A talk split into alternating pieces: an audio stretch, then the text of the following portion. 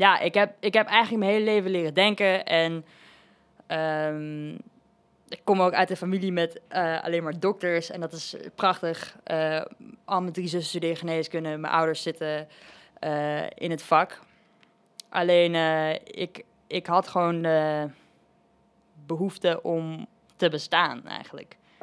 We kunnen de wereld van ze leren, zegt theatermaker Erik Meinster in een van zijn voorstellingen, waarin hij put uit zijn eigen onderwijservaringen als docent. En met ze bedoelt hij leerlingen, studenten. Jonge mensen volop in ontwikkeling, bij wie docenten naastig zoeken naar aansluiting op hun persoonlijke leefwereld. Want dat is waar leren begint, bij die connectie. En niet alleen voor de leerling, de student, nee, ook voor de leraar.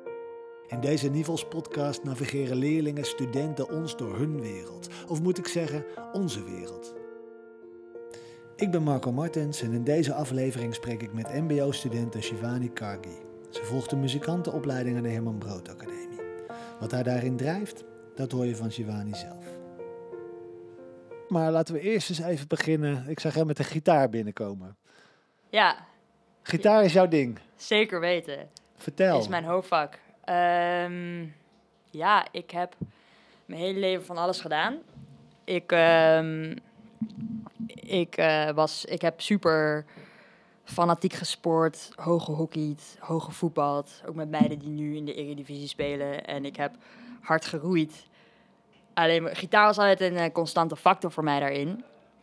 En um, ja, ik, ik heb me ik, ik weet even, ik zit ook even te denken, wat, het is misschien best een, grappig verhaal hoe ik hier uh, ben gekomen. Want ik had uh, netjes mijn gymnasium afgerond. Ik, ben, ik heb gestudeerd aan de universiteit um, Liberal Arts and Sciences in Rotterdam. En uh, mijn, mijn major zou zijn geweest moleculaire en cellulaire biologie. Um, mag ik overigens nog wel mee door. Maar um, ja, ik heb, ik heb eigenlijk mijn hele leven leren denken. En um, ik kom ook uit een familie met uh, alleen maar dokters. En dat is prachtig. Uh, al mijn drie zussen studeren geneeskunde. Mijn ouders zitten uh, in het vak. Alleen ik, ik had gewoon de behoefte om te bestaan eigenlijk. En um, niet, ja, leven om te bestaan. Niet leven om gelukkig te zijn. Wat is het verschil tussen eh, bestaan en gelukkig zijn voor jou? Leven om te bestaan is, in plaats van leven om gelukkig te zijn, gaat eigenlijk gewoon om het niet hebben van waardeoordelen over.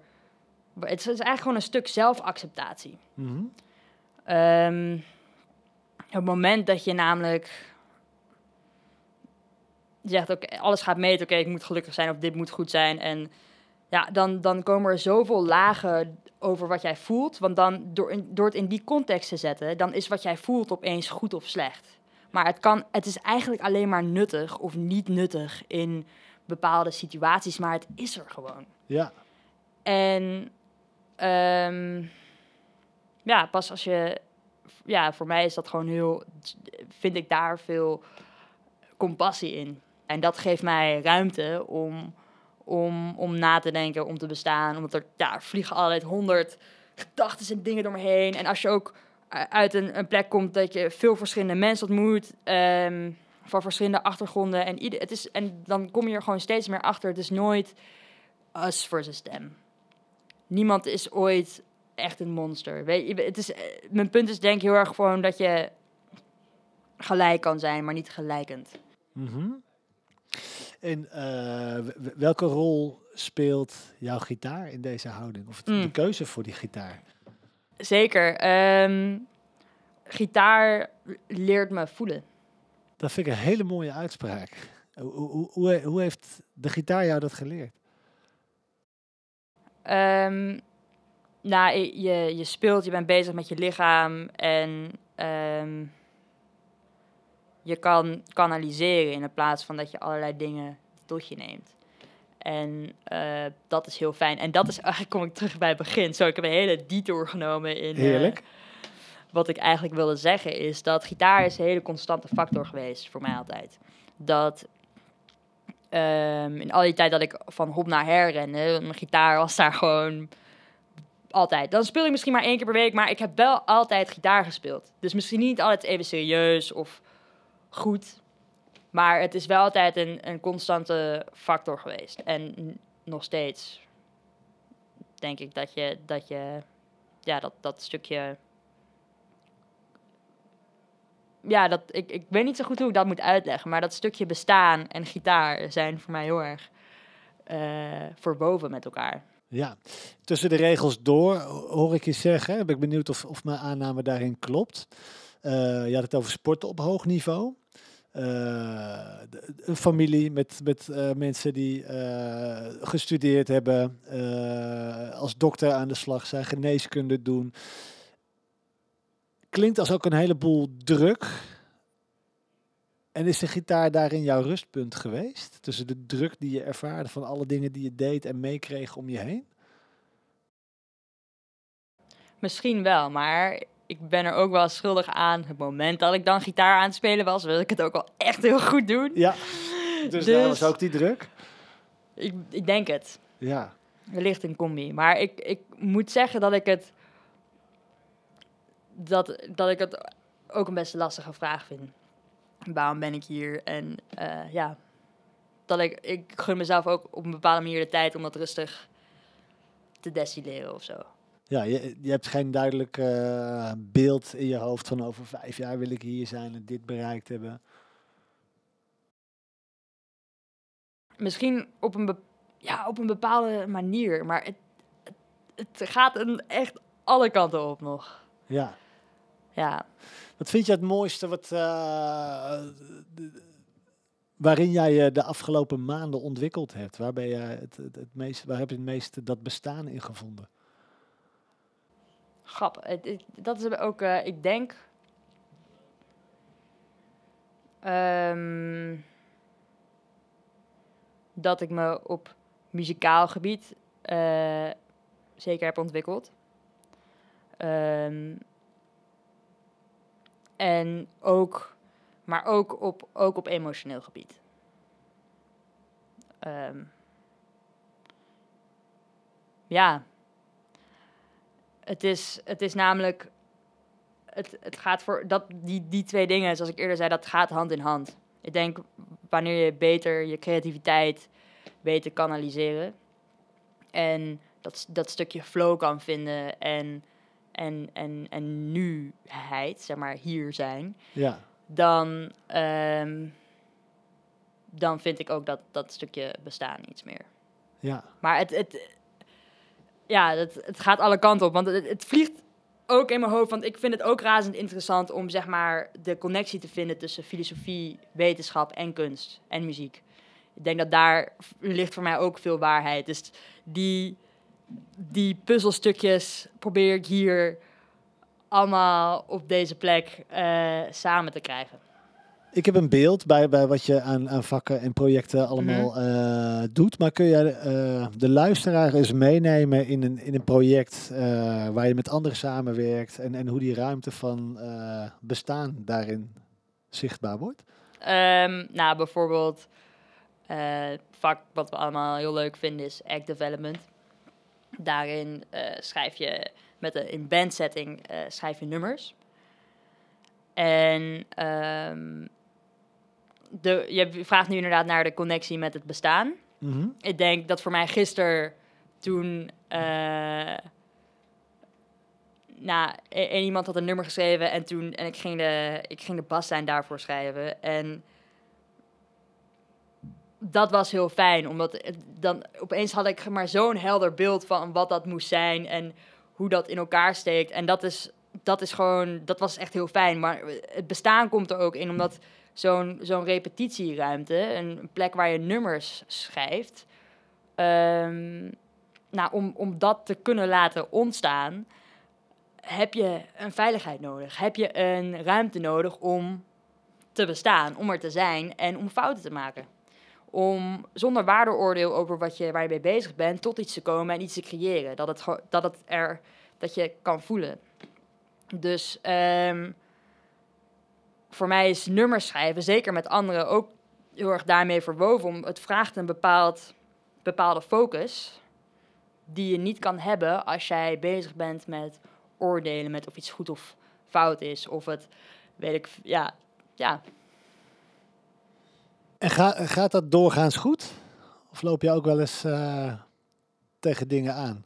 Ehm, ik heb altijd dat er van allerlei ideeën door mijn hoofd schieten en dat ik, ik ga snel analyseren. Ik heb hier, ehm, dus ik ben het gewoon heel erg aan het leren nog. Ik ben heel erg aan het leren, leren door te doen, leren Ja. door er te zijn. Het is echt iets wat ik aan het leren ben, maar het, ja, het, vo- het voelt het voelt, het voelt fijn. Ja, en eh, ja, om, om, om tot cre- creatie te komen is, is die veiligheid essentieel die je, die je al noemde.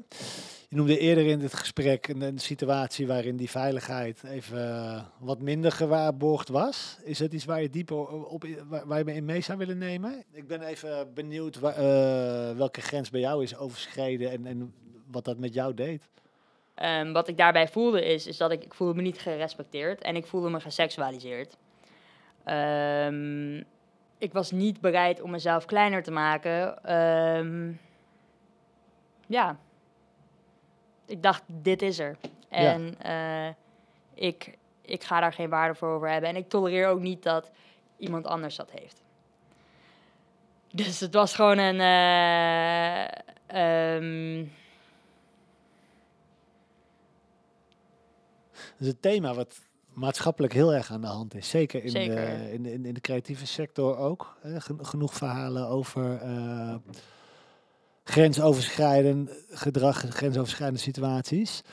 Hoe, kijk jij daarnaar? De, de, de discussie die daarover gaande is. Die eigenlijk ook is, hè, die, die zo'n John de Mol zegt in zo'n interview... eh, als er iets gebeurt, als jij je geseksualiseerd voelt, moet, moet jij aankloppen. Ik, ik, ik weet niet zo goed wat ik heb met die, met die, ik, die uitspraak. Ik, daar zou ik even over moeten nadenken. Ik denk, maar voor mij wat vooral een ding is, is dat vaak niet de juiste vraag wordt gesteld. Want het moment dat zoiets is gebeurd, maakt het niet meer uit wie gelijk heeft. Het maakt uit wat, wat, wat nu is. Ja, en welke vraag zou er dan volgens jou gesteld moeten worden? Nou, welke. Welke systemen zijn er nu eh, in werking die een bepaalde normen hierom creëren, die een bepaald gedrag creëert, ehm, die wat er nu gezegd wordt als problematisch poneren of framen terwijl het niet problematisch is. Voor mij is dat een veel inzichtvollere vraag om te stellen en ook eentje die, wat ik ook al de hele tijd zeg, die compassie heeft. Ja, Want ehm, ja, cancel culture werkt ook niet. Is ook niet eh, een ding. Dus je, voor mijn gevoel kan je het allemaal oplossen. Of nou niet oplossen, dat is al heel groot gezegd. Maar zou je ook een poging kunnen wagen met ehm, juist die nuances op te zoeken. Mhm. En eh, Ja. omdat je daarin is het een, ook voor iemand die, die eh, het grensoverschrijdend gedrag doet, is er daarvoor voor die persoon is ook in dan meer ruimte om te begrijpen wat er fout is gegaan. Want als je meteen keihard uithaalt en met een knuppel iemand slaat, ja, natuurlijk ga of nee, eh, dat is echt totaal verkeerd. Maar het ligt er natuurlijk ook heel erg aan hoe, hoe de mate van. wat het is, maar Ja, ik kan je wel volgen van... eh, het is een systeem dat ertoe leidt de- dat je op een bepaalde manier een opmerking maakt Mhm. of iets zegt of handelt. Precies, maar dat systeem trouwens betekent niet. Zeg maar, je kan compassie hebben voor iemand en, en hun intenties. Ja, Maar ik ben wel van mening dat, je, dat iemand behoort wel verantwoordelijkheid te dragen Zeker, voor hun ja. acties. ja. En precies, maar mensen snappen vaak, kunnen het niet scheiden. Intenties, consequenties, acties en een persoonlijkheid. heel vaak de ene, oh, dan ben jij dit. Dan ben Ja. jij dat. En dat is iets waar ik graag zou weg van wil. Omdat je...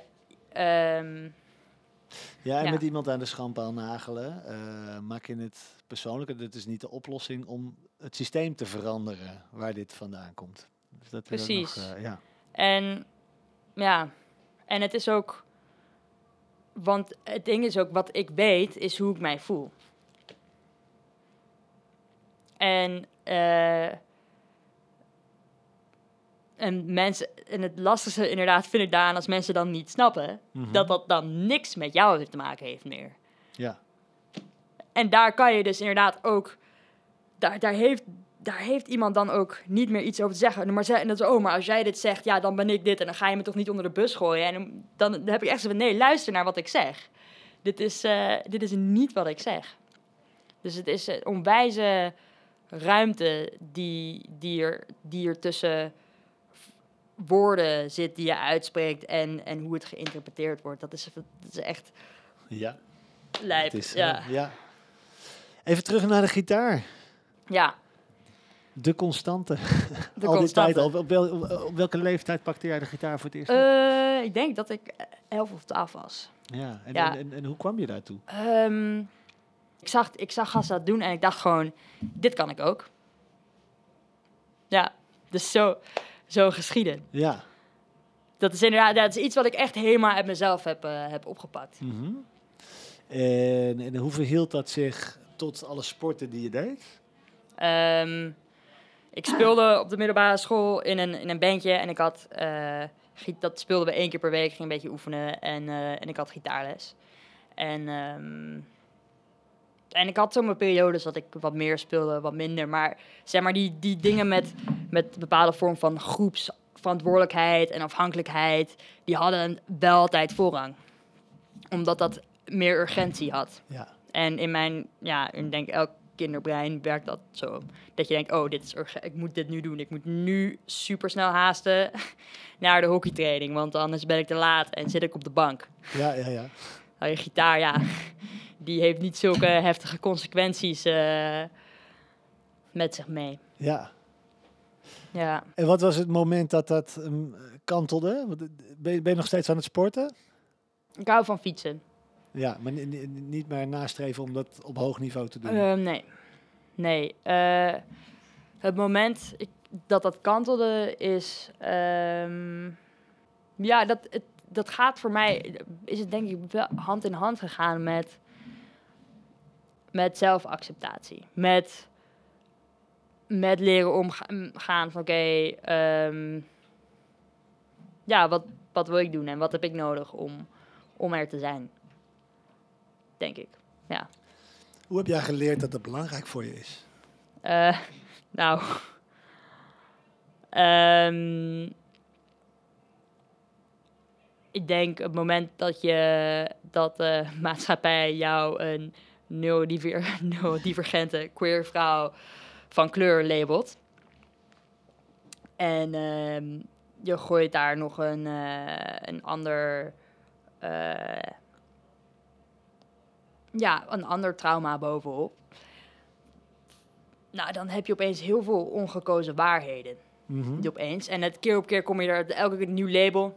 Dan kom je daar achter van, wow, ho, dit heb ik niet gekozen. En, ehm, en ik, dan, dan ervaar je zoveel weerstand in je lichaam. Als iemand zegt, nou, Shivani, je bent zo intelligent. Eh, als jij, waarom kan je niet even stilzitten? Als jij nou gewoon echt even je best zou doen, dan zou jij gewoon echt zoveel kunnen bereiken. Of, oh, we- weet je, weet je, wat ik wel eh, cool vind aan jou is, zeg maar, of nou niet cool, maar weet je, jij bent dan wel, zeg maar, queer, maar je bent niet zo'n regenboogpony. Dus dat is wel gewoon, eh, en dan, weet je, al dat soort papiersneden zijn het eigenlijk. Mhm. Ehm, nou, dan, dan, dan bouwt in jou een, Want er zijn, dat zijn heel veel oordelen die van alle kanten, verschillende mensen... altijd maar op je worden gegooid. En in binnen jezelf bouwt zich dan gewoon een enorme weerstand en boosheid op. Ja. Die... eh, ja, die, die...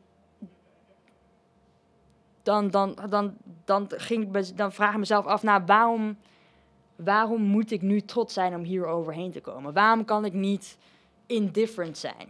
Waarom kan het me niet, waarom kan ik niet gewoon zijn boeien? Weet je, even, want voor, omdat ik juist, omdat ik, ik heb dan mijn super leuke eh, st- eh, studentenvrienden uit eh, Rotterdam nog van de Unie. En dan heb je queer vrienden, je hebt allerlei verschillende, mijn familie thuis, je hebt allerlei verschillende soorten invloeden. En je, en je, en je voelt al deze papiersneden, al deze meningen, doet pijn, maar je weet dat iedereen van deze mensen heeft goede intenties. En het, er is geen, geen goed of fout en geen uiterste. Dus dan, dan, dan ben je gewoon in de war van, ja, maar waarom kan ik, waarom moet ik trots zijn? Waarom kan ik niet gewoon indifferent zijn? En voor mij het moment, ik weet eigenlijk niet meer wat je vraag was, maar het moment dat ik leerde hoe cultuur altijd in beweging is en waarheden mobiliteit hebben en dat, er, dat, ze, dat het gewoon heel veel dingen zijn die in de verlichting ehm, gerationaliseerd zijn